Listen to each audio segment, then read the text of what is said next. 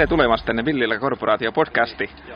No niin, eli 16 jakso. Ensimmäinen aloitus meni jo vituiksi 7 minuuttia hukattu materiaali. Ketäs meillä on nyt täällä taukopaikalla? Moi, mä Einari. Taas. Joo. Ja ketä muu täällä on? Täällä on Ville. Tuomas Boom. Mä oon Janne. Mä oon Jannekin oli. Ai, täällä on lisää ihmisiä. Ketäs muuta täällä? No, Rusu tässä tälleen moro. Joo, eli tänään on 24.5.2013. Pitääkö paikkansa? Pitää paikkansa. No. Öö, tosiaan jakso numero 16. Miksi me nauhoitetaan tänään erikoisjakso? Siksi kun me ollaan... No okei, tuo äskeinen läppä menee ehkä vähän ohi, koska meillä oli tuossa viime nauhoituksessa vähän paremmin tämä meni. Tää kimitysläppä, mutta se tosiaan ei sitten tallentunut, joka ei haittaa. Niin tota, tänään tehdään Uneton 48 lyhytelokuvaa kilpailuun lyhytelokuvaa ja siinä samalla tehdään podcastia tässä illan edetessä ja päivän ja seuraavan illan ja tämän ajan edetessä siis. Eli meillä ei ole tällä kertaa mitään varsinaisia elokuvia, mistä puhutaan. Meidän pitäisi keksiä ensi, ensi jakson tota, elokuvat. Me ei katsota Mm-hmm. Man of Steelia, koska ketä ei kiinnosta teräsmies. Mm, se on vaan yksi mies lisää. Lähestulkoon ketä ei näköjään kiinnosta teräsmies. No, Sitten meillä oli tosiaan alkupuheen teki meidän ulkomaanvahvistus Timo. viestistä. Tuolla on myös Sami. Käydään ottaa Samilta Ota ääni. ääni. Ja meillä on Sami täällä. Moi. Moi. Moi. Haluatko jotain muuta sanoa kuin moi? No en mä tiedä, tästä nyt tää lähtee liikkeelle. Iski kauhean hedari tossa yhtäkkiä, kun uusi puhelin ja se ei oikein toimi niin kuin mä haluan. Niin. Tulee Suosittelen kaikkia ostamaan iPhone. Mm. Se on kätevä puhelin, mutta ei tälleen niinku, ei tälleen. kun ei osaa ladata sitä. Einari, sä, No. oot- sä oot nyt ehkä eniten keneltä irtoa juttua tässä. Joo. kaikki muut on vähän tällä hiljaisia. Mm. Mm-hmm. Se, mitä tässä tuli jo kerran kerrottua, mikä ei tullut teidän korville koskaan, on se, että me ollaan aloitettu nyt sit ideoimaan tuota käsikirjoitusta ja ollaan siinä vaiheessa, että ideoidaan edelleen siis. Ja sitten Me sitä muotoutuu käsikirjoitus joskus. tunti- Mm. Tunti ollut periaatteessa tässä nyt aiheet saatavilla. Joo, joo, kyllä. Ja romanse tyyppinen elokuvahan sieltä sitten pitää tuottaa. Ja, ja nyt me itse asiassa ollaan tupakkapaikalla ulkona. Itse henkilökohtaisesti en tupakoi. En myös. Mutta täällä ideointi jatkuu. Ja nyt itse asiassa tällä hetkellä korvanappiin tuli tieto, että lähdemme takaisin sisälle päin jatkamaan tätä ihanan elokuvamme suunnittelua. No niin, nyt me tultiin takaisin tuolta taukopaikalta. Meillä on täällä Teemu, Rusu. Mitäs tota sä teet tässä meidän uneton jutussa? No, tällä hetkellä viimeisimmän tiedon mukaan taidaan olla päivän, val, päivän valo, eli kor, korjaan siis niin päivän valaisia, eli gafferi, ihan tällainen viime hetken varoitusajalla tähänkin hommaan, joten niin siunattuna, että Mä voisin melkein väittää, että oot yönvalaisia. no eh, ehkä mä olen semmoinen yövalo sitten, että niin, jos me tosiaankin lähdetään tässä, mitä nyt pikkulinnut osas laulaa, niin kenties jo tämän ensimmäisen yön aikana, jo ihan tuossa jotain niin aamu, aamu ja yö kaksi- 12 aikaa liikenteeseen, niin voi hyvinkin olla, että niin ehkä hyvä, hyvä ripausta tai jotain niin produktiota tulee vedettyä myös sinänsä jotain niin kuuvalon lisänä. No niin, no niin. Nyt tota, sinänsä eletään jännittävää aikaa, koska löysin jonkun, ketä kuuluu Villillä korporaation ja joka ei ole koskaan ollut vielä äänessä. Moi. Ketä sä olet? Aivan, nelosjakso Batman. What? Mitä? Niin, totta. Niin olinkin. No niin, Kyllä. Nyt sä oot ollut Valittamassa siellä luultavasti. Etkä. Ei, sä ei. pidit hyvää huolta meistä. pidin, pidin. Eli ketä sä oot ja mitä sä teet tässä meidän uneton jutussa? Eli mä oon Reetta Jees, yleistä loppuun. järkeä pitäisi pitää yllä. Ja menetetty tapaus. Ja myös niin, ihan alkutekijöissä. Joo, ja paperihommia, tuotantopäällikön hommia. Todella tylsän kuulosti kuin paperihommat. Einari, tullut kertoa mitä sä teet tästä tota, tuotannossa. Sä et sitä kertonut. Mä koitan nyt kerätä tästä tällainen. Eli täällä meillä on Einari. Jos ei joku ymmärtänyt, Einari se on banaania. Ja sen lisäksi mä oon tuossa käsikirjoituksessa mukana ja, ja sitten kamera-assistenttina. Mikä on kamera-assistentin tärkein tehtävä? Ensimmäisen kamera-assistentin tärkeä tehtävä on pitää kuva tarkkana ja mä samalla on käytännössä tämmönen digital image technician. Eli mä pidän myös huolta siitä, että kamerassa on oikein kaikki asetukset ja arvot. Kuten esimerkiksi mm, kompressiosuhde ja kaikki muu lässyn lässyn. No, sehän oli aika hyvin tiivistetty se. Se kuulostaa hienolta. Eikö se kuulostanut? Kuulosti, kuulosti, sitä just. Niin se ei yrittänyt, vaan se Niin. kuulosti. Ymmärsitkö sä puoliikaan, mitä sanoin? En ymmärtänyt. No niin. No niin, ja nyt aika jännittävää. Löydetään taas uusi ihminen, ketä ei ole tänään vielä ollut äänessä. Ei, se ei ollut Sami, hyvä arvaus. Eli nyt saatiin ihan uusi kasvo, eli ääni. Villellä Korporaatio podcastin 16 jakson Uneton 48 spesiaalijakso on pitkä hiljaisuus. Mä näin jotain todella hämmentävää. Ketä meillä on ja mitä sä teet tässä tuotannossa? Hei. Se on siis hei. Meillä on paikalla hei, mitä hei tekee? Hei yrittää olla enemmän hyödyksi kuin tiellä. Eli niin sanottu Einarin kädenjatke. Eli kakkoskameraassari. Mitä sä sanoisit, että on tota kakkoskamerassarin tärkein tehtävä? Huom, Einari kattoo vierestä tätä nyt tarkkana. Osata ennakoida, että ei vie aikaa tarpeeksi. Näin. Vielä tärkeämpi on se, että ei riko mitään. Vielä tärkeämpi on se, että... Joo, kortti on valmiudessa ja materiaalit siirretty, siirretty talteen. No niin, olihan sitä siinäkin jo paljon vastuuta yhdellä pienelle ihmiselle. Niin, no sitten varmaan kaikenlaista kivaa. Oletko sä kertaakaan kuunnellut tätä meidän podcastia? Aivan. Tämä on jo 16 jakso ja kukaan ei kuuntele meitä. Mistä tämä johtuu? Etsimme tuotantomme äänille nauhoittajan, ääninauhoittaja, äänileikkaaja. Missä on äänileikkaaja? Meillä on äänileikkaaja hukassa. Ja niille, ketkä ihmettelee, miksi podcast ei alkanut samalla äänellä kuin normaalisti, kyllä se alkoi. Mutta tosiaan ensimmäinen seitsemän minuuttia hävisi pitti avaruuteen ja menetitte sen maagisen äänen. Nyt meillä on täällä Janne. Mitäs Janne tekee? Mä tota, leikkaan, on- ääniassistentti. Olet leikkaus- ja ääniassistentti. Joo, tai siis mä, Et leikkaa. siis mä leikkaajan ääniassistentti. Ei kun leikkausassistentti. Mm-hmm. Niin, tosiaan, ja mä sitten vähän teen raakaversio tästä unettomasta, nyt kun se on nyt klipit valmiiksi. Ja sit sit tulee semmoista hienoja, heikkana tulee munkaan vähän jeesi siihen sitten, kun vedetään loppu semmonen finaali siihen hieno silaus. Sitten tulisi niin bueno. Eli käytännössä ottaen sä ette mitään ne sunnuntai-aamu. Kyllä. Mä aloitan oikeastaan sunnuntaina 00, jos on mahdollista. Ei, Eli ja nyt on perjantai ja kello on jotain vajapuoli yhdeksän. Reetta, mitä? Kello on 20.03. No niin. Ja tuolla on vielä yksi ihminen, joka ei ole kertonut, mitä hän tekee tässä tuotannossa. Itse asiassa ei ole viimeinen, koska äänileikka on vieläkin hukassa. Hei, Thomas, Tuomas, kumpi oletkaan? Eikö se ollut Tom Tom? sulla? Tom, Tom, rakkaalla lapsella monta nimeä. Eli mitä sä teet tässä meidän hienossa lyhytelokuvaprojektissa? Mä olen äh, herran Ruusikuistin alaisuudessa, eli valoassari. Eli johtotehtävissä.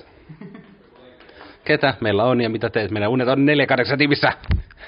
Nimi on Kim Sjöblom ja toi tällä hetkellä on kak, toinen valoassari. Eli johtotehtävissä hänkin. Elikäs. Se oli muuten myös ensimmäinen, kuka mainitsi koko nimen. Ei se haittaa. Onko sä nähnyt tota meidän äänileikkaa ja nauhoittaja ja... Me... Mä itse asiassa tiedän nyt, missä se on. Se sanoi mulle, mihin se meni, ja nyt mä en muista. No niin, no niin. Ja taas jatkuu tämä meidän hyppivä podcasti. No niin, täällä on meillä ohjaaja Ville Heikkarainen. Mä en, en, en, en, tiedä, että, en tiedä, että onko sitä kolme. nyt... No, puhutaan päällekkäin ja kaikki tykkää kissanainen. Et, tota, et, en tiedä, tuliko sitä nyt sanottu tässä, että Ville ohjaa, koska se ei tosiaan se jakso alku, mikä meni vituuksi. Ja nyt on hieno, kun tätä on nauhoitettu tällainen tosi pienissä pätkissä, niin te olette varmaan kuullut sitten minuutti sitten, että se jakso alku meni vituuksi, mä mainitsin sen taas. Mutta Ville, sä ohjaat tämän meidän uneton jutun. Missä kohtaa mennään? Kello on nytten 22.08. Joo, kahdeksan minuuttia yli kymmenen. Eli missä mennään nyt? No nyt mennään siinä vaiheessa, että tota, tässä tota, kirjoitellaan tätä käsikirjoitusta, rakenne on valmis ja tota, nyt niin kuin lyödään dialogit paikoille, dialogit luodaan ensinnäkin ja sitten lyödään paikoille. Ja tota, en mä tiedä mikä tähän muuten meininki on. No se on meininki, että tota, Mutta aihe ja idea on syntynyt tosi nopeasti. mm, ne on yllättävän nopeasti niin kuin viime vuosi. Et ehkä meillä on tänä vuonna tulos aika häröpallo. Et siinä kannattaa Samilta kysyä, se on pizzannut siellä niin monta kertaa, että se tota, osaa pizzata teillekin tämä. Ja tässä vaiheessa, kun tämä tulee, niin tämä on ihan varmasti valmis tämä pätkä. niin, niin, että tota, toisaalta voitte kuunnella, että mihin tämä on muuttunut siitä. Okei, okei. Onko Einarilla jotain tällaista pari, tu, pari, kaksi ja puoli tuntia suurin piirtein oltu leikissä mukana? Onko jotain uutta, mitä haluat tässä kohtaa jakaa podcastia katsojille, kuulijoille? Katsojille, jatkakaa katsomista ja kuulijoille, että koittakaa jaksaa. Näin. Mulla- Ei mulla tällä hetkellä se suurempaa. Tässä nyt on vähän semmoinen niin seisontatila niin sanotusti, kun tota, käsikirjoitusta tuossa Ville nyt pistää kirjaimiksi tietokoneen sisuksiin. Ideointi on siis ohi jo pitkä aikaa sitten ollutkin ja nyt odotellaan ja sitten päästään kuvaamaankin jossain kohtaa toivottavasti ehkä. No, lähdetäänpäs seuraavaksi tästä tällä meidän äänisukkulalla tuonne Samia kohti. No niin, nyt me saatiin tää Sami tänne meidän podcastin ääreen. Tuota, toi Ville, kenen kanssa mä tuossa äsken kävin juttelemassa, niin sanoi, että sä olet myynyt tämän elokuvan jo monta kertaa. Niin miten sä lyhyesti sanoisit, mitä me ollaan tekemässä? Me ollaan tekemässä tota, äh, romanttista komediaa, eli tota, kyseessä on tämmönen niinku suurin uhraus, jonka ihminen voi niinku toiselle ihmiselle tehdä niinku rakkauden edestä. Et tota, nyt ollaan aika tästä suurten asioiden edessä, niinku, ja nää, parhaitenhan tämä tulee ilmi niinku nimenomaan just komediallisten keinojen kautta, ettei se mene liian vakavaksi, mutta et silleen, että se jättää ihmisiä silti jotain mietittävää. Niin. No, sä oot siis todennäköisesti ihan selkeästi innossaan tästä, että mitä täällä niinku tulee olemaan. Joo, siis joo, mä oon erittäin niinku, mulla on hyvä fiilis tästä nyt, koska toi on, toi on silleen haastava, mutta on niinku, tästä on tehty hienon komedia-elokuvan, tämmöisiä, mitä ei Suomessa hirveästi nähdä tämän tyyppisiä, että on ehkä enemmän tota, tämmöistä niinku Keski-Eurooppa, että on tavallaan pikkasen vulgääri silleen, et, mutta et, tota, erittäin koskettava. Mä ty- ty- tykkään tästä, niinku, mihin tämä menee. Mutta aihehan oli kuitenkin romanttinen elokuva. Onko vaara, että tulee väärinkäsityksiä, että olisi romanttinen komedia? Ei, ja siis romantiikkahan, romanttinen elo, elokuva, niin sehän nyt käsittää, koska sä voit tehdä romanttisen elokuvan vakavaksi tai kauhuelokuvaksi käytännössä, kunhan vaan se on romanttinen niin kuin se, niin kuin se, mitä siinä tehdään, se sanoma. Niin tämä on myös silleen niin kuin ro- romantiikkaa niin kuin komediakeinon niin kuin esitettynä. Et se, on, se on vaan niin kuin, tämä komedia on tässä niin kuin, äh, väline, että sanoma tulee perille. No niin, nyt meillä on tää Sami ollut täällä. Ja nyt meillä on henkilö, joka ei ole ollut vielä äänessä lainkaan. On meidän äänittäjä ja äänileikkaaja Jani, mikä myös on, miksaa näitä podcasteja, ainakin näitä viimeisimpiä alkupään jaksossa saattoi olla myös joku muu, niin Jani taisi tehdä kyllä niitäkin. Mitä sulla on nyt odotukset tästä tulevaan elokuvaan, mitä sä oot sivukorvalla kuullut? Sivukorvalla kuuluu vain. No et sä ainakaan mukana ollut käsikirjoitusvaiheessa. No en mä käsikirjoitusvaiheessa ollut mukana, mutta nää mä veikkaan kuntoilla kappaleja itse puolustusta. No niin, sehän varmaan riittääkin sit sulta. Ja ei mitään, tota, pistetään taas tässä välissä tämä poikki ja kuunnellaan kuin typerän kuulosesta tulee seuraavaksi sisään. En mä... Kävi ostaa kaljaa. No, ni, no niin, nyt meillä on tota Joonas Saine tuttu podcasti 15 jaksosta. Tehdään nyt jaksoa numero 16. Jakso nelonen on muuten ihan vitu hyvä. Ai sä kuuntelit jakson neljä. Pääsitkö sä siihen asti, missä mä oksennan heikkaraisen koiran päällä? Oikeesti. Joo. Joo, pääsin. No oikein. Se on kyllä vitu hyvä jakso. Joo.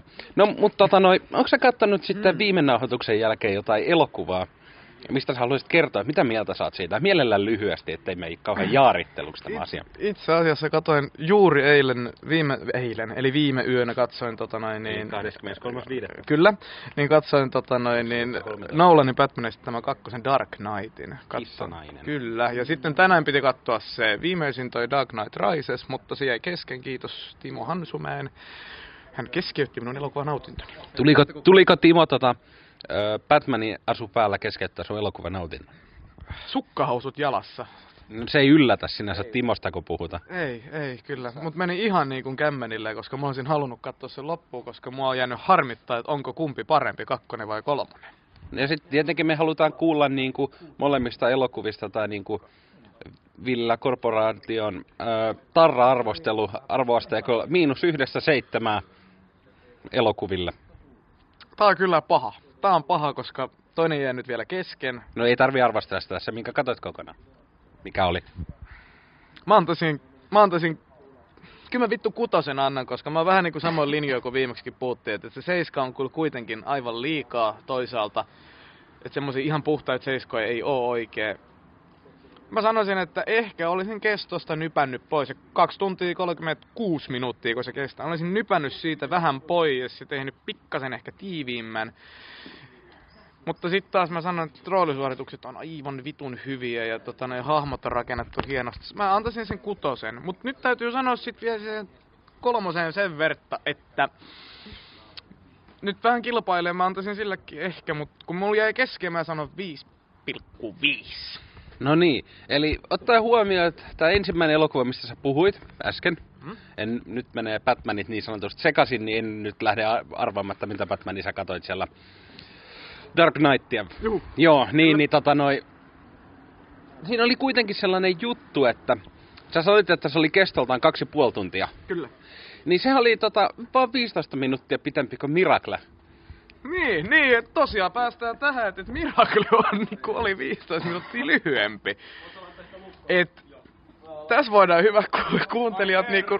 Hyvä kuuntelija, hyvä kuuntelijat ruvet miettimään sitä, että, että kun kumminkin puhuttiin, kuin paska Miracle on kaiken kaikkiaan, kuin vitun pitkä se on. Että jos me lähdetään tuumailemaan, että melkein kolme tuntinen Batman vastaa Miracle, niin herra jumala se ei niinku...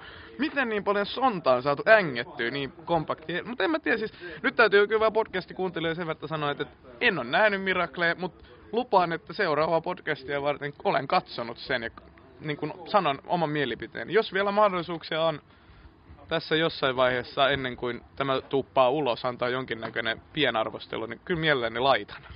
Joo, ja sitten tota, jos et muuten kerkä, niin meillähän on tuttu studionumero, johon voi sitten aina soittaa ja kertoa, että me ilmoitetaan kyllä aina, että milloin nauhoitetaan ja milloin voi soittaa. Mutta ei mitään, otetaan tästä joku toinen uhri.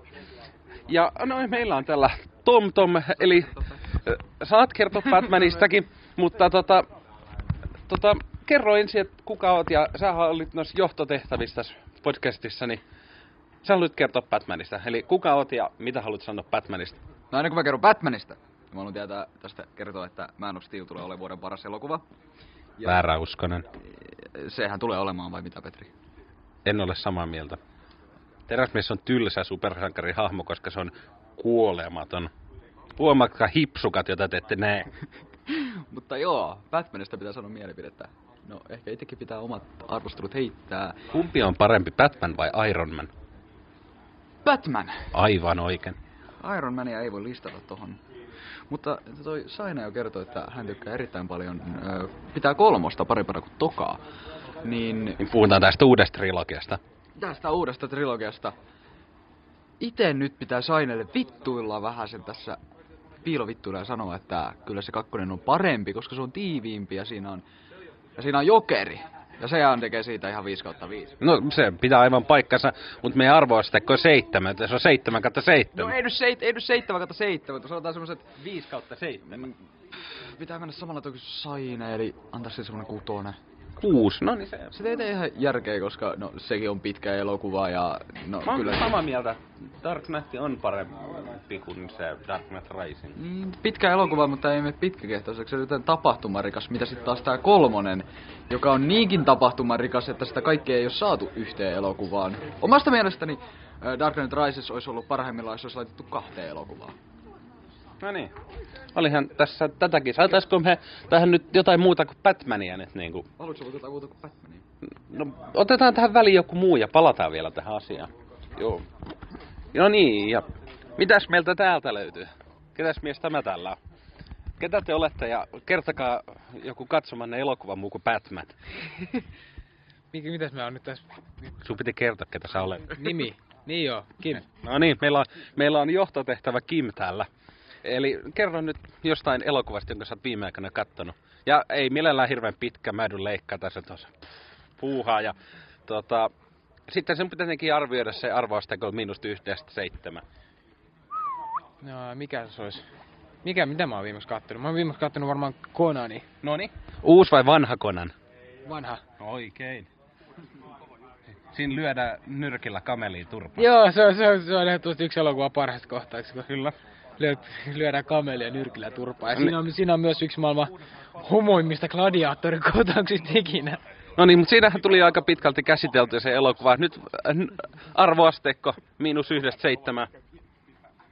Mä sanoisin, että se, kun, siis se on just semmonen, se on tyhmä elokuva, se on siis tosi tyhmä elokuva, mutta siis se on niinku nautittavan tyhmä.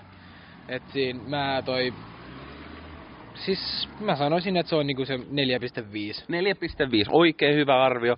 Ja niin, kuoto, meillähän täällä itse Master of Light, eli valomies, päällikkö, herra Mr. Rosenqvist. Tunnetusti sä katot hyvin mielenkiintoisia elokuvia. Tai niin mä ainakin annan itseni ymmärtää. No annetaan myös kuulijoiden ymmärtää. Joo. Niin tota, onko sä kattonut tässä lähiaikana jotain elokuvaa? No pakko nyt tunnustaa, että viime aikoina juuri oikeastaan tässä viimeisen pari päivän aikana on enemmän ollut jostain syystä animaatiossa kiinni. Ei niin, että olisin tullut uskoon ja siirtymässä jotain niin stop motionin puolella, mutta Eli tota, nyt tuolla huudellaan johtoportaista, että pitäisi pistää poikki. Ja palataan kohta tuolla sisätiloissa asiaan uudestaan. Asiaan uudestaan. No Ei, niin. älä, älä, älä, älä, mulla- Tervetuloa takaisin, vaikka ette missään ole ollutkaan. Mitä me? Pistikö sen päällä? Kyllä. Okei, eli nyt pahoittelut siitä mun sitten äskeisen speakin lopetuksesta muuttiin jatkaa herra Rosenqvistin kanssa eräästä elokuva-arviosta.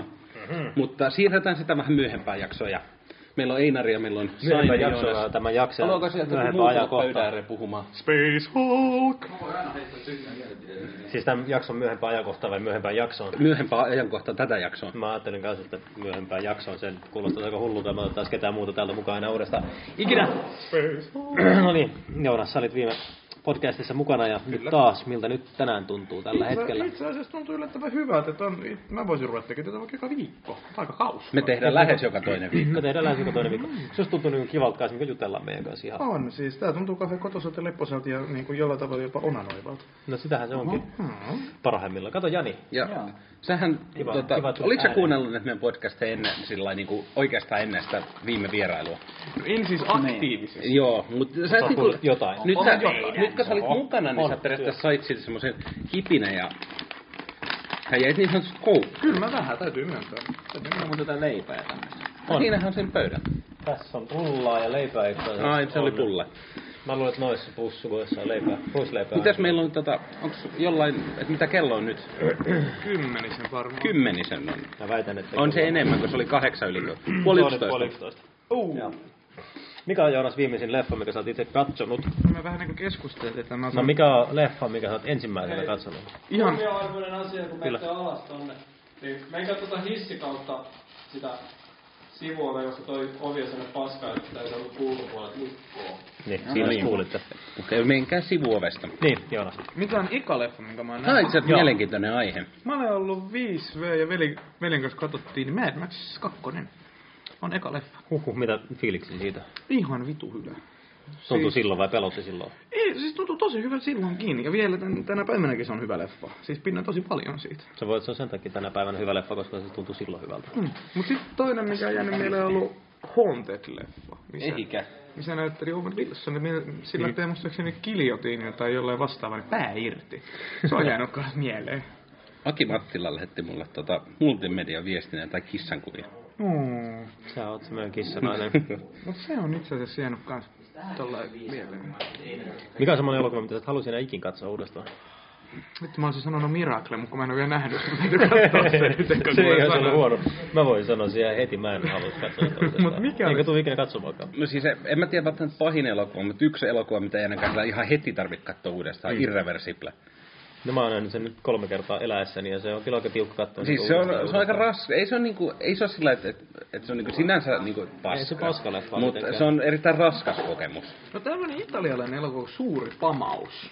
Mm. Tää oli tämmönen, että katsoin kun ostin sen, että takalukee hyvin eh, niinku sisältää kaikkea niinku gangbangia ja vittu ylensyöntiä ja ihmiset... Ostit heti. Ostin, mä ajattelin, että jumala, että nyt on niinku freaky shittiä, että tämän mä katon.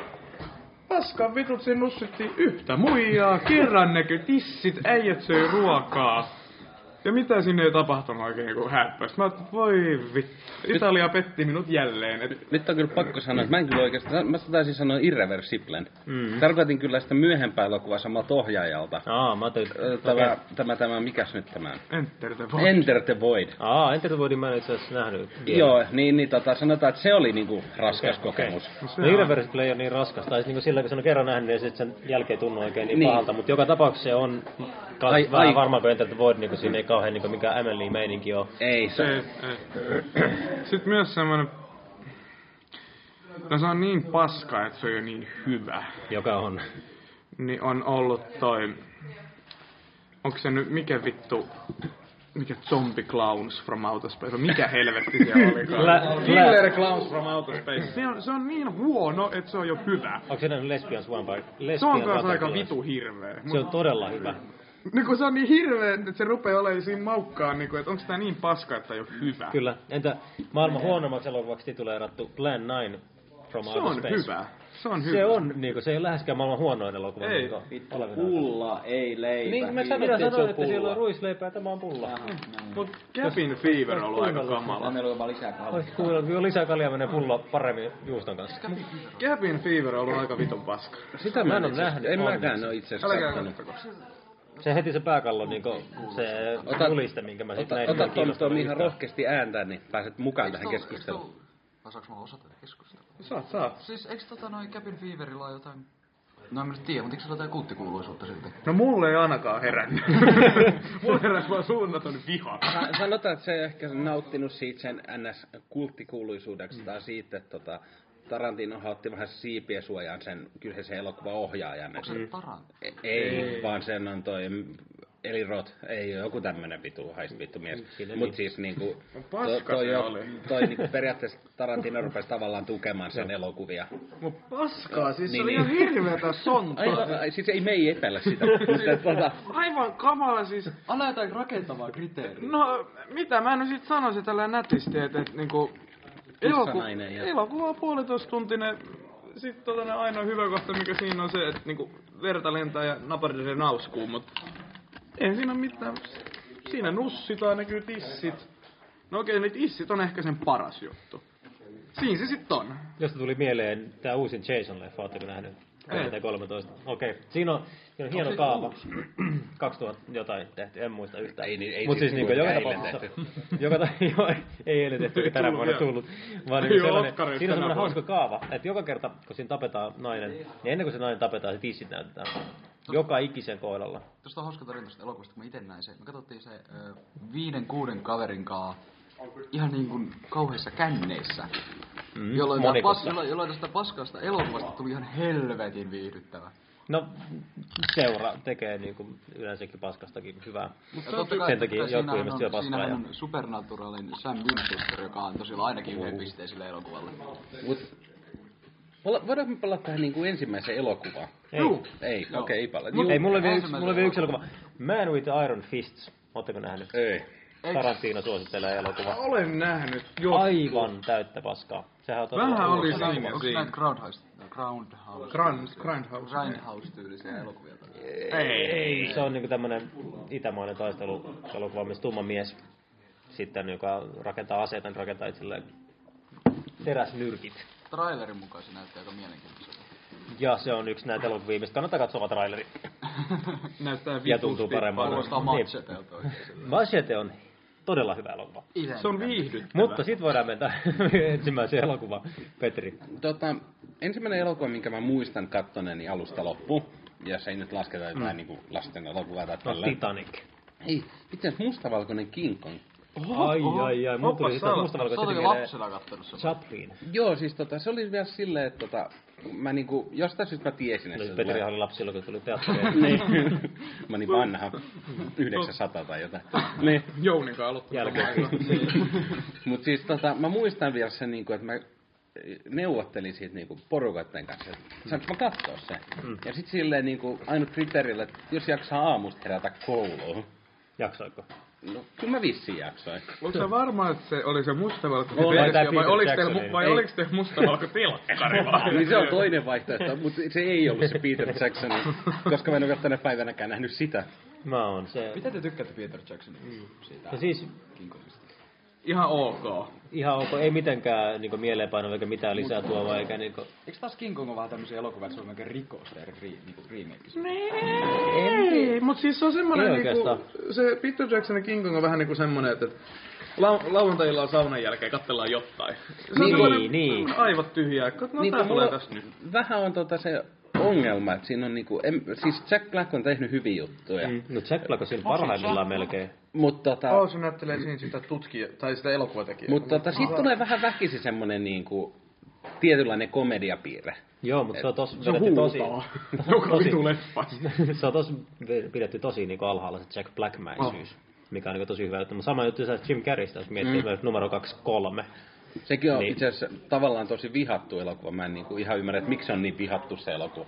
Ei se nyt mikään niinku täysmestariteos Ei, mutta on se hyvä elokuva. On, Niin. ei se ole ollenkaan Mut- niin hassu elokuva, kun siitä ihmiset haukkuu. Mun mielestä se on hyvinkin Toinen asia, mitä ihmiset arvostaa, niin ne syödään. Kaikki rapistaminen ja kaikki kolistelu varmasti tässä on parasta.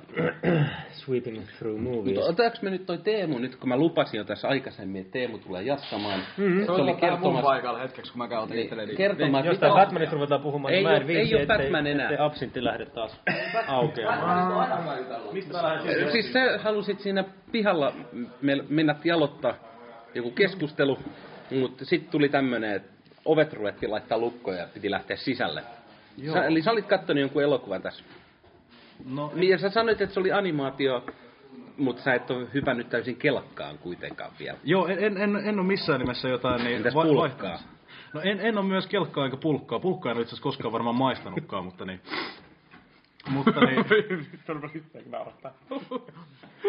mutta siis Joonas niin, arvostaa laatuhuumoria. Kyllä. Kyllä. Puujalkavitsit ja Timo Koivusalo parasta ikinä. Mutta tosiaan, niin en tosiaan Joo, vaihtamassa vielä jotain niin, työ, työnantaja mihinkään Disneyse tai mihinkään Pleasure Studioon, mutta niin, kuitenkin siis niin, tässä nyt viimeisen viikon aikana, viimeisen viikon aikana tullut katsottua enemmän noita animaatioelokuvia. Ja niistä päällimmäisenä tuli katsottua tässä parina päivänä putkeen hieman erilaisen aikakausien elokuvia. Aloitin tuossa tämmöisen kivan pienen jotain niin putken tuossa jotain niin viimeaikaisilla jotain tämmöisillä Disney-klassikoilta jopa niin vuodelta, oliko se 2011, 2012, ne ketkä on fiksumpia kuin minä, niin voi tietysti tarkentaa, mutta Prinsessa ja Sammakko. Mä ajattelin, että mikä vittu Disney-klassikko sieltä tulee 2011. Niin sitä Mikä? juurikin. Siis niin, Luetellaanko, se Disneyn klassikoksi? Ei, siis herra luetellaan totta kai Disney-klassikoksi, koska Disney lanseerasi sen klassikkona. Vittu oli leffaakin jo klassikkona. Se ihan pyrkis. Totta, totta kai. Siis, se oli. No, hieno ei kun se on tullut vasta 2001, ei mitään. Mä menisin kysyä, että Se, onko se, sitä ja, se jatkaa mukana, sitä kuitenkin ei. sitä ei, ei noin tiedä. 50 jotain Disney-leffaa, jotain että klassikosarjaa. Niin kuin myös, niin, no okei, muistaa, että 90-luvulla oli Disney-videoklassikot. Jos joku muistaa vielä Kaunotarin Hirviö 2 ja Pocahontas 2. Nämä Kuka ei muista Pocahontasin kakkosta? Ei, koska se oli paska En, leffa. Ei. en oo nähnyt. Leijonakuningas 2 on semmoinen asia, mikä halusin skipata. Leijona kuningas, Leijona kuningas kolmonen pilaa koko vitun tämä niinku... Koko, Leijona kuningas universumin. niin se tuhoaa kaiken, koska se niinku pal- paljastaa, tämä heito paljastaa. Koska että Disney miksi- herättää Mufasan henkiin. Koska miksi kaikki ku- niinku kumarsivat Simbaa johtuu siitä, että, että pumpa piarasee. Niin voi vitu vittu. Et mihin tässä ollaan menty? tuosta Prinsessasta ja Sammakosta semmonen, että siinä on ehkä yksi Disneyn parhaimpia vihollishahmoja, mitä ne on ikinä tehty. Parempi kuin Onko, Frodo. on, onko, onko parempi kuin Hornan sarvi? On. Se on täysin silleen, Mikä että vitu on. runsauden sarvi. Okei, okei, mä sanon suoraan, niin se on niitten se voodoo-tyyppi. Mikä sen nimi oli? En jaksa muistaa. Oli visuaalisesti kauniisti toteutettu, mutta no siis niin. niin... Eli omasta mielestäni ehkä... Okei, okay, suoraan. Se on paras vihollinen, mitä Disneyltä on tullut. Miksi se on paras? Sa- saanko kuulla? Se on Disney paras vihollinen. hauska. Täällä on toinen Miten käsky, meillä on toinen käsky, Älä- katsoja. älä tarkenna. Älä kerro, mitä- Ketä mä kuuntelen? Omasta mielestäni visuaalisesti kaiken luovin hahmo, mitä on tehnyt. Ei silleen, että Disney olisi tehnyt luovia hahmoja ennen. Ei tietenkään, lasilevyllä oli vaikeampi tehdä. Mutta kaikkiahan kiinnostaa, että mikä on tää niinku arvosana tälle. No Prinsessa ja Sammakko, se on hyvinkin tyylipuhdasta Disneytä parhaimmillaan siinä suhteessa, että se ei lähde samalle linjalle kuin 2000-luvun muut työt, mistä ei nyt niin perusta, niin kuin esimerkiksi joku lehmäjengi tai... Tartsana vitu hyvä. Tartsan on hyvä, mutta se on vuodelta 1999. Mutta Tartsanissa on yksi hauska Onko juttu. se niin? Tartsanissa on huono pahis. Mutta Tartsanissa on yksi hauska juttu. Tartsanissa oli pakotettu pahis. Miten niin pakotettu? Siis Se- se se- kukaan se- perseisekään naiku siellä. Ei, mutta siis se, se, oli sillä, se oli sillä että siinä, siinä oli ihan tarpeeksi vahva konflikti jo muutenkin. Sen Panterin kanssa vai? Ei se Panteri, mutta siis sen Tarzanin itsensä kanssa oli tarpeeksi vahva konflikti. Oh, joo, ymmärrän. Niin, mutta siinä, mut, mut siinä on se huono puoli, että Mut Disney... selit ne vittu kuusivuotiaille Tartsanilla on sisäinen dilemma. Mm. Niin se voi olla vähän hankala. Niin, ja loppujen lopuksi kaikilla Disney-hahmoilla on sisäinen dilemma. Voi jumalauta, kuinka monta jotain semmoista prinsessaa olla nähty, ketä vaan haaveilee siitä, että pääsee joskus elämään onnellista Pukille. elämää. Niin, otetaan, Belle ja kaikki tämmöistä tai esimerkiksi siis. Niin okei, Tartsanilla on dilemma, että hän tuntee itse, itsensä tavallaan jotain niin misfitsiksi siellä, missä hän on. Niin, kuin Silti kaikki ainakaan tälleen. Tartsankin on koko perheen elokuva. Ei ne aleta laittaa siihen mitään syvällisiä pääsisäisiä asioita siihen. Nyt Rusu, nopeasti se arvosana. Y- Okei. Miinus yhdestä seitsemän. Miinus yhdestä seitsemän. Joo. Miinus yksi nyt. Oh. Ei, ei, kun Se se, on jo on, pihalla. se on podcastin vielä arvio. Okei, Mäkin no, tutuin tähän. tä- on tämmöisessä jotain niin sarjassa annetaan sitten ihan tämmönen jotain niin viisi ja puoli. Ei ollut mitenkään maailman mullista. Aika kova, vittu yhtä kova kuin mä annoin Batman 3. Tämä on meik- meikäläisen tietenkin, mä en ole tähän järjestelmään tottunut. Miinus yksi, okei. Terve, te, kiitos, että kerroitte. Mutta joo, siis se on tyylipuhdasta Disneytä. Missään nimessä ei välttämättä paras, mutta ehdottomasti Disneyn laatu on kuitenkin sitä, että siitä ei ole tingitty lukuottamatta tyyli lehmäjengiä ja ke- keisarin uusia kuvioita, joten siis... Ja Tartsanista on pakko vielä sanoa yksi asia, että siinä on semmoinen kohta, missä Tartsan on pukeutunut leijonan taljaa. Ja se on Skaarin talja. Se oli Herkuleksessa. Juurikin näin. Olen väärässä, mutta Herkuleksessa tuli vierestä pöydästä huuta. Mutta ketä kiinnostaa, anyways. Who the fuck cares? Mutta nyt unnettomassa rupeaa tapahtumaan jotain. Meillä lähtee osa porukasta lähtee tutkimaan lokaatioita, eli ne lähtee skauttaamaan. Einari on leipää suussa, sano Einari jotain. No niin, ole aivan samaa mieltä. Meillä on taas tullut 15 minuuttia timanttista sisältöä. Heikkaraisten Ville ja Lainteksi timanttista mysliä. Ja Joonas, kuten viime jaksosta opimme, voitko sinä kertoa jälleen sen legendaarisen lausahduksen? Suu täynnä. Nyt. Anna tulla. Anna tulla. Äkkiä. Mä vaan ajattelin. No niin, ja se oli siinä. Oi, sä vaan. Mä vaan ajattelin, että Ihmiset, jotka jäävät tänne, mä oon homo. Mä vaan ajattelin, että säkin tykkäsit musta. tämä käy siihen... Ja Joo, jos ei kuljeta sivulasta. Niin, niin siihen. Yes. Tossa toi. Ei mitään, laitetaan hetkeksi aika linjat poikki ja varmaan jatketaan jutustelua kohta jonkun toisen kanssa. Tai ehkä saman pöydän ääressä. Tai no eihän tää teille me, ei teille tai me poikki, te jatkatte kuuntelua kuitenkin. Paitsi jos te pidätte tauon. No niin, eli nyt me palaamme täältä jälleen. Te olette rakkaat katselijat, eli kuuntelijat, eli katselijat. Kuunnellut koko ajan yhtäjaksoisesti, olette panasta pauseen. Meillä on nyt täällä Kim ja Tom Tom, eli Tuomas ja Petrit minä, jonka te olette nyt kuullut kaikissa muissakin 15 edellisessä jaksossa. Ja mä vaan aina ängen tähän. Ja mä aina hänget, mutta tää olikin tää spesiaalijakso, missä oli tarkoitus, että jutellaan kaikki ihmisten kanssa meille varsinaista aihetta. Ja tosiaan spesiaali tää tulee olemaan, tosta kun mä äkkiä löydän kalenterin. En mä jaksa kaivaa, koska tää juttu katkeisi niin paljon. Ei mitään, sanan vapaa, elokuvat aihe mielellään. Kysy jotain. Kysy jotain. Kysy jotain. No, hypätään nyt heti sitten tämmöiseen niin kuin vaikeeseen aiheeseen. Ö, Te kuitenkin opiskelette elokuva-alaa, Hmm? niin mitäs hyvin teillä on toi kotimaiset elokuvat? Uppoako? Pikkuhiljaa alkanut uppoamaan. Valitettavasti en ole vielä, no... Tota, Posti ja Poppi Jaakobin en ole nähnyt ja ihmiset puhuu siitä, että se olisi niinku paras, ehkä paras suomalainen elokuva, mitä on niinku tullut nyt tässä vuosien varrella, mutta aluksi ennen kuin mä aloin opiskelee alaa, niin mä olin tosi, tosi kaukaa kattosin niitä ja kiersin kaukaa suomalaiset elokuvat, mutta sitten kun tänne tuli, niin ihan alkoi uppoamaan silleen, että hei, näissä voisi ollakin jotain hyvää ja Joo, siinä ne tosi erilaisia kuin niinku, ne, mm. Tämä on tosi typerä sanoa, että no, ne on tosi erilaisia kuin jenkkileffa. No on kaikki, ne tehdään pikkusen eri rahaa. Mutta siinä on se, niinku, jotenkin se oma soundikin ja sit tota, totta kai sun tarvii katsoa niitä, että et voisi saimeen sanoa, että joku elokuva on paska, varsinkin jos sä itse niinku, olet samalla alalla, niin se voisi katsomat sanoa, että tämä nyt ihan paskaa. Mm. Ja sitten tota, no, jos ajattelee kuitenkin, niin kuin, että, että suomalaiset elokuvat on tehty suomalaiselle yleisölle, niin ne uskoo varmasti meihin jollain tasolla. Ja sit se- kyllähän suomalaisista elokuvista tykätään. No, no mm, Klaus Härö ja sitten tää Aki Kaurismäki, niin heistähän tykätään siis Ranskassa erityisesti. Kyllä, He- ne on eurooppalaiset maat. Joo, joo. Et se on niinku hyvin, hyvin harva, hyvin harva niinku jenkki tykkää suomalaisista elokuvista. Joo, ja se voi olla tosi, että kun ne on kans niin ahdasmielisiä se oman kielensä kanssa. Niin on, niin on. Ja luulisi taas toisaalta just, että niinku, kuitenkin eurooppalaiset maat on kans tosi niinku itsetietoisia sit omasta kielestään. Nyt mä oon törmännyt Italiassa tämmöisen ongelmaan, että siellä on yksi ihminen tuli sanoa mulle, että hän, kyllä hän niinku osaa puhua englantia. Mm. Kun ollaan Italiassa, ei hänen tarvitse puhua sulle englantia. Joo. Ja se veti mulle pelkkää Italia sen jälkeen.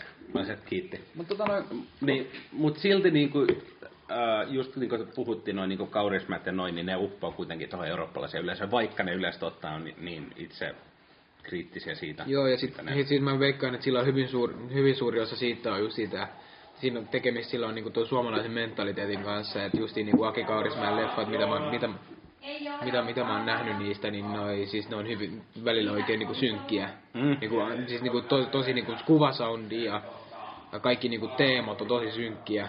Ja sitten se justi sillä, sillä tavalla uppoo niinku paljon paremmin tuohon niinku eurooppalaiseen yleisöön. Mut sitten tota noin silleen, että kun suomalainen elokuvateollisuus on kuitenkin vähän niin kuin ehkä aika reippaasti jopa muita Pohjoismaita jäljessä, niin mikä te veikkaatte, että niin kuin, miten suomalainen elokuva saadaan vielä enemmän maailmanlaajuisemmaksi? Onhan sitä yritetty esimerkiksi elokuvalla Iron Sky on yritetty just tätä, että yritetään vähän tehdä maailmanlaajuisempaa elokuvaa. Suomessa se, vois, Suomessa se voi olla vielä iso juttu, mutta Jenkeissä veikkaan, että se elokuva nähdään keskinkertaisena. Niin mikä teidän mielestä on semmoinen, että niin sais, millä tavalla suomalainen elokuva saataisiin maailmanlaajuisesti eteenpäin? No siis, haukkumatta nyt ketään nykytekijää, mutta tota, Suomessa on vähän se ongelma, että tälle ei uskalleta antaa uusille tekijöille mahdollisuuksia. Mä oon varmaan puhunut tästä monessa muussakin meidän podcastissa tästä asiasta, mutta ongelma on just tää, että ne, ketkä on saanut elokuvia jo ulos, niin mielellään ne saa ne rahoitukset. Ja ne, hyvin, ne tekee sitä varmaa juttua. Niin tota, jos uskallettaisiin antaa rohkeammin uusille tekijöille sitä rahaa tehdä elokuvia, niin ne todennäköisesti sitten voisi tuoda uutta näkemystä tähän ja uudenlaisia niin kuin, ideoita ja ajatuksia. Ne vois, niin kuin, jos mä osaisin sanoa, että miten me saadaan niin kuin, suomalainen elokuva paremmin maailmalle, niin mä en varmaan istuisi tässä. niin, niin tota, mutta mä väitän, että siellä jossain kotona kuuntelemassa tätä istuu joku Pertti 16V ja sillä on joku ihan vitu hyvä idea, mutta se ei tiedä, miten se toisi sitä niin kuin esillä. Mm. Meille puhumalla se ei auta, mutta hypätään tota noin, mun tämmönen kysymys, mitä mä oon halunnut kysyä tässä, tässä on nyt puhuttu. Eli vähän niin kuin asiasta kukkasen hypätään suomalaisesta pois. Onko ikinä nähnyt, kattonut elokuvaa, joka on, jonka jälkeen te olette ollut silleen, että te ette ehkä halua katsoa elokuvia vähän aikaan. Tai vähän niin kuin, olette ollut vähän silleen vähän ehkä peloissa jopa katsoa elokuvaa. Ei, ei. Että ei ole koskaan ollut mitään Ei, mulla ei ole sillä kun... Ja toi Ei ollut on- mitään niin järkyttävää elokuvaa. Ei ole oikeastaan mitään ollut silleen, ja se, että mulla on kuitenkin, tai mulla on ollut tosi hankala yhden kaverin kanssa keskustella silleen, kun se on niinku, tykkää tosi paljon tämmöistä japanilaisesta kaukusta. Ja sit kun sillä että kun ihan saa paskat housus katsoa meiningissä selittää mulle niitä. Ja sit mut on jotenkin kasvatettu niin, että, että no elokuvia. Niin mä en osaa katsoa niitä. Mä en osaa sillä niin sisäistää sitä asiaa sillä samalla tavalla. Mä en osaa uppoutua siihen niin, kuin, niin että mä olisin mukana siinä. Niin, niin sit mä en oikein pääse koskaan sen keskusteluun mukaan. Mm. Tämä oli elokuva. et- Joo, ja mä, mäkin, mäkin oon aika lailla niinku just pilannut tuon kauhugenren itseltäni, mm. Mm. että niinku hyvin, hyvin harva, että mä en muun muassa tykkää yhtään found footage-elokuvista, on mun mielestä kuin hirveä tökerö, vaikuttaa hirveän tökeröltä. Mä veikkaan, että sä, että sun oma kattominen ei ole pilannut sitä, vaan aika, mitä me eletään, on ehkä vähän pilannut Internet. sitä kauhua. Internet. koska, koska internetistä löytyy paljon, paljon, paljon niinku pelottavampia tarinoita, mitä niinku no yksikään leffa on ollut. Mm. Mut siis mä, mä, siis mä tykkään katsoa esimerkiksi kauhuleffoja just sen takia, että niissä on se, sen takia, että se on niinku kultti. Yksi iso kultti se koko kauhugenre. Onko sä vähän aikaa nähnyt kauhuelokuvaa, mikä oikeasti sai sut pelkäämään? No. Mikä pelotti? Tai enkä mä nähnyt yhtään komediaa, mikä naurattaisi mua. No joo. Mutta mut mä olen tosi hankala ihminen tätä komedian Oot sä jotenkin iloton ihminen? Olen. Mä olen niin ainakin elokuvien suhteen. Niin Joo. Mä oon Mut si- ollut kaveriporukas, mikä on kattonut niin komedia-elokuvia, ne kaikki on nauranut täysin omallisen vakaan. Mm. O, toi, onks, onks teillä, mä, mulla itellä on muun muassa yksi leffa, mikä, mikä aina aiheuttaa mulle, mm, kaksi leffaa, mikä aiheuttaa mulle aina semmoinen epätodellisen fiiliksen, niin kuin päiväni murmeillinen ja sitten toi, sitten sitten jostain omituisesta, omituisesta syystä Disney Hercules, koska siis Joo. just Disney Hercules varmaan sen takia, että siinä sekoittuu se nostalgia, nostalgia tunne, tunne ja sitten se, että mä olen fanaattinen mytologia fani, niin mulla sekoittuu siinä ja mulla tulee semmoinen epätodellinen fiilis aina. Haittaisiko joku toinen aihe nyt seuraavaksi? Jaa. No nyt tulikin sitten tällä niinku äkkiseltä pitäisi keksiä joku aihe No, tässä. no mutta onko teillä niinku mitään semmoista leffaa, mikä, mistä tulee aina epätodellinen fiilis, kun Mistä tulee epätodellinen fiilis?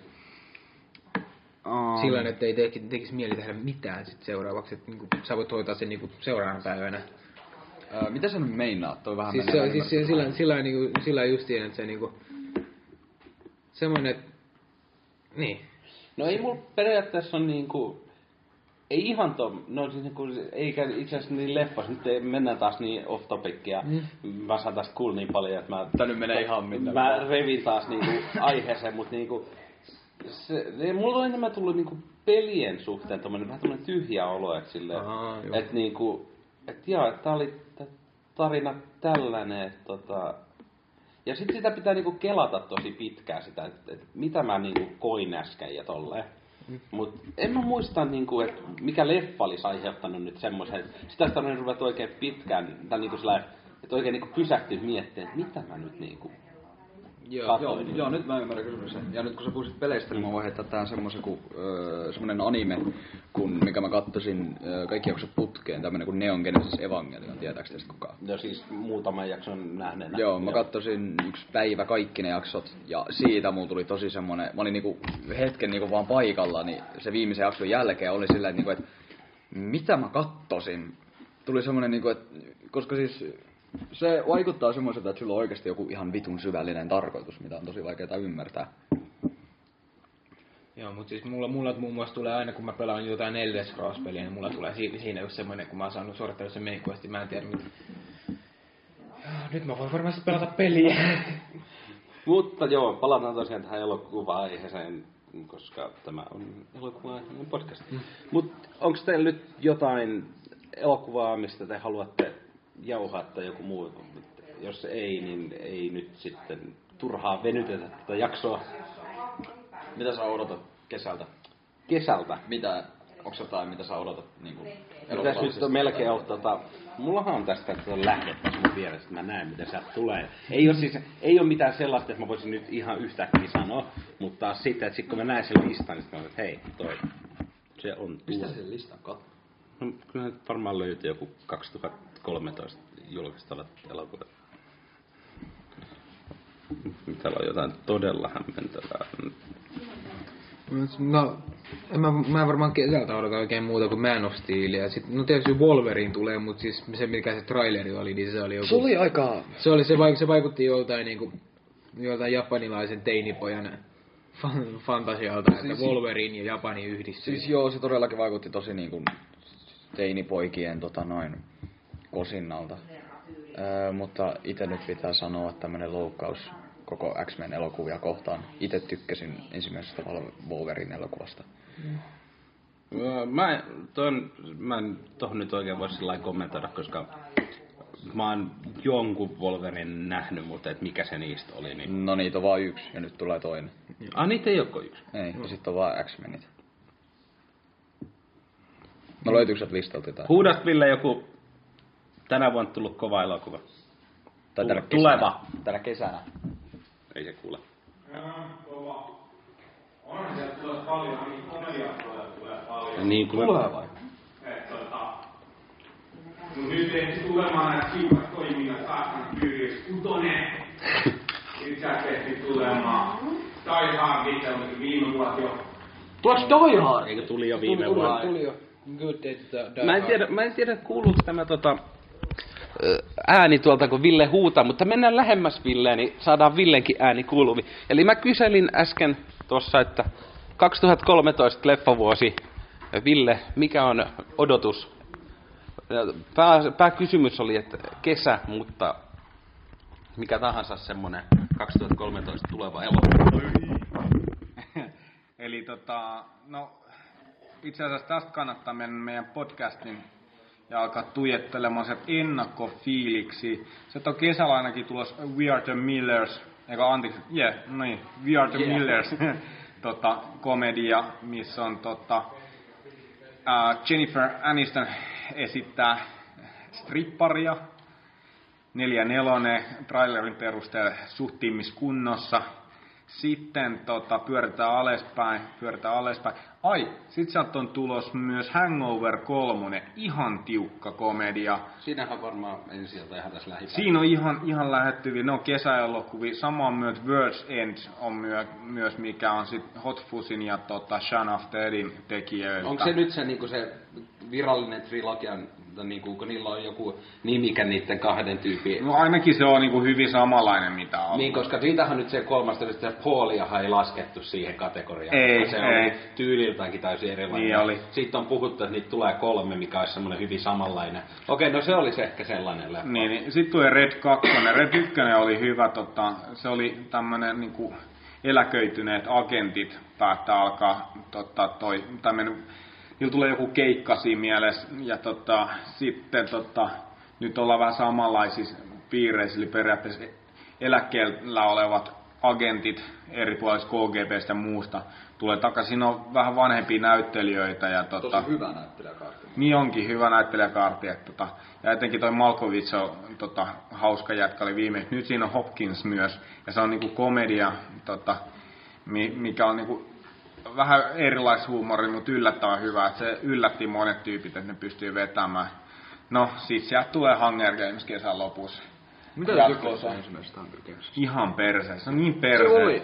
No on se perseessä. Jos sä oot Battle Royalin nähnyt, niin se on ihan, ihan niinku sabotaagia vittu. Ja se tuli niinku- semmoista, että toimintakin oli semmoista, että No eka, siis, eka tapellaan mut sehän on heti ja sit K12, se on halaillaan. K12. Niin, sitä arvostelet on silleen neljä tähtää. Niin, niin se, on ne, se on K12, mikä niin kuin, on mun mielestä todella yllättävää, koska siinä tapetaan aika paljon jengiä. Mm. Et meillä on tää Uneton K12, jos tästä mukista, niin mä sanon Hunger Games. Se leiti nälkäpeli. Se on niinku, tota, muut. Ja tota, Battle Royale, ah, sit This is the End. Täällä on, niinku, täällä on näitä elokuvia, mitkä tulee, niin This is the End. Tota, siinä on iso tähtikaarti jengi, jengi messissä, että tota, ketäs kaikkea sitten löytyy siinä ainakin totta, löytyy Seth Rogen, Evan Goldberg, sitten löytyy myös James Franco, siis tässä on koomikoita, niin tämähän perustuu siihen, että maailma loppuu ja koomikoilla on joku bile, ne esittää itseään siinä, kauheat kusipäitä. Oh, tässä löytyy myös Emma Watson, että kaikki. Mä, mä, mä, en, mä en perusta tuohon Emma Watsonin niin seksikkyyteen. Siis joo, onhan se ihan tuupattava, sitä ei voi sanoa, niin kuin, että ei olisi Internet tulee nyt jos täällä on niinku, tota, toi, toi, niinku, Mutta se, että kun te ette nyt kuitenkaan niin kuin muista, mitä kaikki elokuvan nimiä tota, Ville äsken luetteli, niin suosittelen, jos ette ole jo liittynyt äh, tota, www.facebook facebook.com kautta vk-podcast, eli www.facebook.com kautta vk-podcast. Sieltä Sit- löytyy sit- Villen sit ennakkofiiliksiä. Yksi, yksi, yksi yllättävä, minkä mä haluan vielä sanoa. Joo. Only God forgives. Mitä sanoo Nicholas von Reisnergin tota, tota, toi, vähän nuoremmilta tyypeillä? Mitä sanoo Nicholas no, von Reisner? Itse asiassa asia, mistä mä... Okei, mä olen vielä toistaiseksi hiljaa.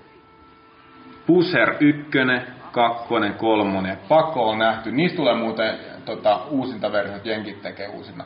Ne pilaa ihan täysin sen kanssa. Jos et ole nähnyt trilogiaa, niin, niin... Oho, mulla äänet tulee jostain syystä. Niin, niin tota, jos et ole nähnyt, niin, niin toi, sanon, että kattokaa äkkiä. Se, siis, anteeksi, Nikolas Windingreff piti sanoa sen nimi, mutta tosiaan, sak, tan, anteeksi saksalainen, kun tanskalainen ohjaaja. Ja tota, sanotaan, että... Oh, tää on, joo, olen Joo. tämän trailerina, joo joo. Joo, mut siis, No, sit no. mikä se oli tää, minkä se teki tän Tom Hardin kanssa? Se oli tää, kun se oli kaljuksi leikannut hiuksensa. Se oli... No, ne, ketä tietää, ne kirjo, kirjoittaa jonnekin Niin, niin, niin. palautteeseen. Ja sit oli, videolla oli Triver, korporaatio. Triver-elokuva, mikä oli, itse asiassa tossa on mun lukena, tiedät, niin, niin Triveri, Triveri oli tota, semmonen elokuva, mitä kaikki hehkutti. Mä en itse tykkää siitä. Mä sanoin, että se, sen jälkeen niin toi meni taaksepäin Nikolas Winding Refn tossa, mutta niin kuin Pusher Trilogia, tanskalainen Eurooppa-elokuva, kun pistää sen läty, niin se on aina ajaton. Se on aika kumma, että Drive ei päässyt niinku Oscar-gaalaa ehdokkaaksi. No se oli ihan paska. Se oli ihan paska. Pistä se pusseri vaan niinku. Etit pusher trilogia. Tanskalainen tiukka paketti. Mä voisin melkein väittää, että tästä on tulossa semmonen 7-8 tunnin epos podcast, että tota, pistetään tähän väliin taas meidän osalta paussi teillä. Se nyt jatkuu sama heti perään tähän, että sitten kun saadaan tätä meidän Uneton projektiakin eteenpäin, niin meillä on taas jotain niin kuin sen tiimoilta jotain lisää keskusteltavaa. Ja sit kun aivot on levännyt tämän suuren keskustelun ryppään jälkeen, mitä Ville tuossa heitti, niin kaikki on jälleen vitreänä nukkumattoman yön jälkeen tai yöllä tai tai tai tai tai tai tai tai tai tai tai tai tähän on hyvä leikata. Ja takaisin, tai no siis, niin, meidän puolesta takaisin korporaation castingin pari. Vieressäni makaa Uneton 48 tämän 2013 vuoden kuva ja herrasmies nimeltään Sami, Sami Rehmonen. Kyllä, juu. Missäs kohtaa me nyt mennään tätä kilpailua? Ah, kello on lauantai 8.42. Ja me tässä, tai no, jätkät rakentelee tuossa rataa seuraavaa kuvaa, kovaa vauhtia. Ja me päästään syömään aamupalaa ja sitten siitä suunnataan vielä niinku tuleviin neljään sisäkuvalokaatioon, niin sitten mennään vielä vähän uiskentelemaan, jos aika suo. Että ihan hyvillä malleilla ollaan. Niin, että neljä sisälokaatiota ja yksi ulkolokaatio. Tämän ulkolokaation lisäksikö? Joo, jos mä oikein muistan, niin joo. Kuinka monta kuvaa se suurin piirtein tarkoittaa? Yksi, kaksi, kolme, neljä, viisi, kuusi, seitsemän, kahdeksan, yhdeksän, Ja lasket sormia varpaille nyt. 11, 12, 13, 14. Varmaan joku tota 18. Eli se tekee pyöreästi sitten niin kuin, niin kuin puoli tuntia per kuva. Mm.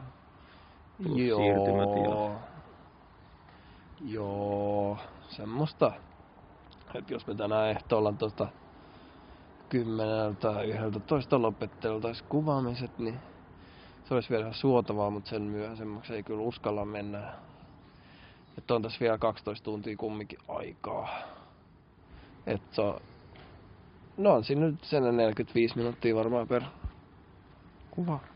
Tehdä silleen miinussiirtymiset ja safkat. Ihan mahdollista siis, kun ei kaikki kuitenkaan ole mitään suuren rakennetalon rakentelututtujen juttujen kuvia kuitenkaan. Ei oo, tossa pari semmoista hienoa juttua tulos vielä vähän erikoisempaa, niin... Mut tota, mutta semmoista sitten... Voisi sanoa ei ehkä enemmänkin niinku peruskauraa, mutta koetaan niistäkin saada ihan hyvän näköisiä juttuja.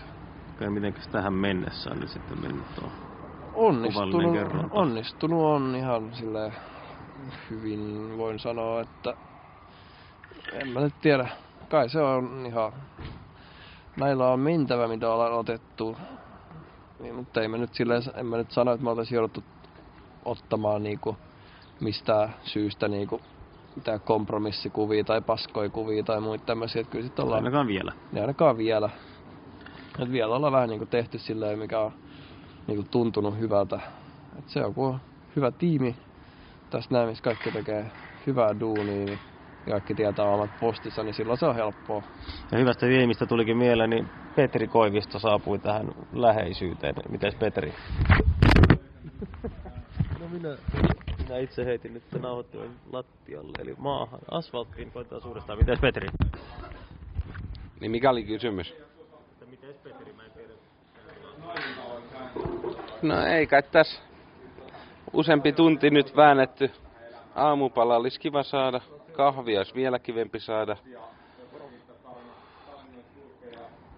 Päiväkään ole juurikaan yhdessäkään oikeistuotannossa puomittanut ne tätä päivää.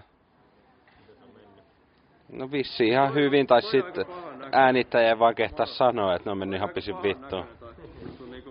Jompi kumpi. Mutta ei kai tässä. Batman-jakso, kun mä oksensin, niin nyt Heikkarainen on itse vessassa, niin nyt palataan. Palataan, joo.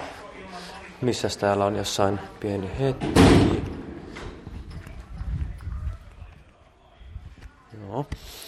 Katsotaan, jos löytyy. Täällä on, pitäisi jossakin olla. No niin, Ville, missä sitä ollaan? Tää on korporaation, tää on tota, niin kuin hyvin tiedätte, podcastin nauhoitustilaisuus. Virallinen nauhoitustilaisuus. Joo, mitä sä nyt summaisit, mitä on nyt tapahtunut ja missä mennään? Toivon mukaan noissa on lähetetty, lähetetty ja pistetty eteenpäin. Selvä. Mulla on mahapraka. Mä en, mä, mä, en, mä en tosiaan tiedä, että tota, kummas päästä tulee seuraavaksi. Mutta tota, tosiaan, tosiaan tällainen tilanne on ja leffa saatiin valmiiksi, hyvä materiaali, kaunis teos. Mutta tota, karunkaa mä en uskalla, ups. Oho. En uskalla lähteä viettämään. Mutta tota, eikä se, tästä mä katkaisen tämän pätkän nytten, hei hei ihmiset. Jaha, lopun alku, eli nyt alun loppu. Loppuu tämä jakso nautinnollisin ikinä varmasti. Ei niinku, ihan tarkka, vaikka niinku, ihan sillä tolkuissa ollut, että mitä on nauhoitettu, niin ihan tarkalleen ei mitä kaikkea on nauhoitettu. Ei. Ja puhujia ollut niinku täysin laidasta laitaa. Niistä voitte pistää mielipiteen, että jos on joku, ketä pitäisi pyytää uudestaan keskustelua meidän kanssa. Tai niin joku, ei ketä ei ota niinku, ehdottomasti koskaan enää, niin sitäkin voi laittaa. Ja, Joo. ja tosiaan kello on nyt 18.59. Sunnuntai. Sunnuntai meidän uneton video lähti just. Meillä oli vielä tässä niinku yli 30 minuuttia aikaa lähettää. Siis se oli ennen tätä nauhoituksen aloitusta. Ja siis nyt se on lähetetty ja saatiin leffa valmiiksi. Ja, job well done. Ja, ja tuli hyvä pätkä. Tuli vielä hyvä leffa ja Mm, Mulla tuli, mä oikeasti tuli kyynel silmästä, kun mä näin sen tuossa ekan kerran valmiina. oli sen verran romanttinen. Joo, no siis mä en nyt palaa, tai en sano sitä, että miksi mulla tuli kyynel silmään, mutta oikeasti tuli tippa silmään. Joo, se oli sellaista varmaan aika miellyttävää menoa teille. Luultavasti ei. Ja, ja tämä oli ensimmäinen spessujakso, mitä me tehdään. Tehdään varmaan jatkossa ehkä Ja- lisääkin. Ja jossain kohtaa mä olen maininnut tätä jaksoa, että jakso ei alkanut siis perinteisellä äänellä, Hmm. koska se alkuperäinen alku alkoi, mikä hävisi pitti avaruuteen. Kyllä, se onnistui Mutta se ääni on siellä jossain kohtaa jaksoa kyllä. niin, niin, ketä huolestuu, että se ei ole alussa. Jos joku oli surullinen siitä, että alussa ei hamsteri taivastanut, niin se on kyllä korvattu siellä välissä. Niin. No niin. Ja miksi tunget Miksi kaiken tunget nenän kaiken on? nenään? No hei, joku päivä oikeesti semmonen, Kalle oli tehnyt Niin. tekniikkaleikoista semmoset, että kun sitä pyöritti, niin siinä noi, mitkä ne on? Leiko. Rattaat siis pyörivät. Meidän milli puolitoista V tunki sen nenänsä ja vuosi nenä aika hyvin verta. Ensimmäistä nenäkuukautta.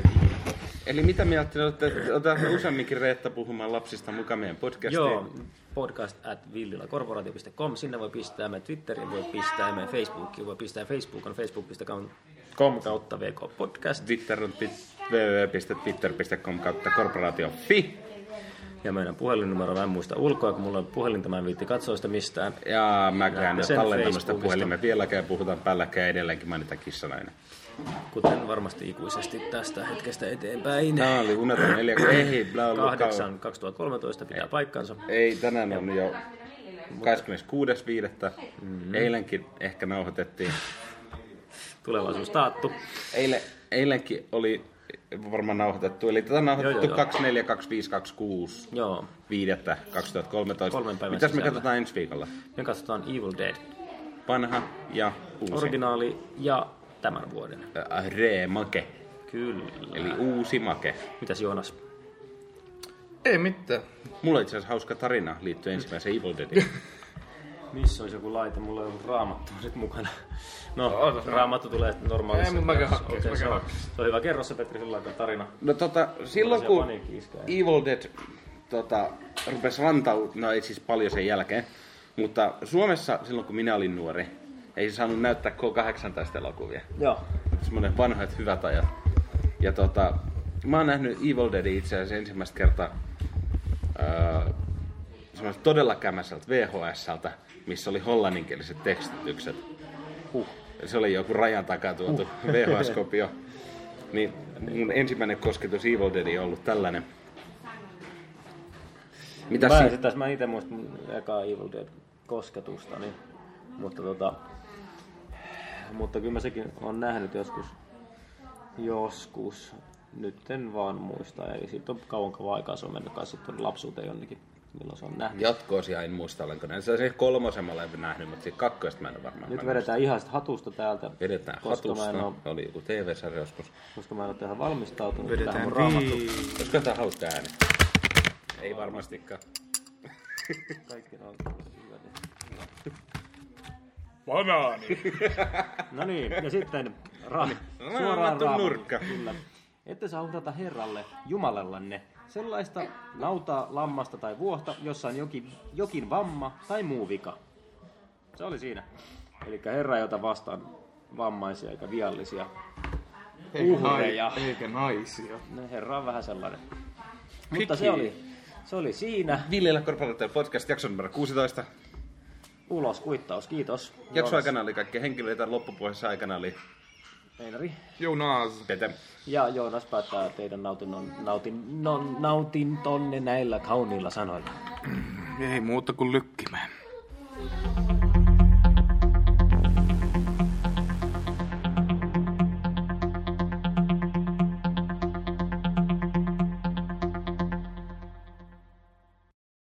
Kenen tietää? Se on sun vaimos. Sitten tätä säkki on liian kauan. Ei sit sanot sille. Mitä huomaa?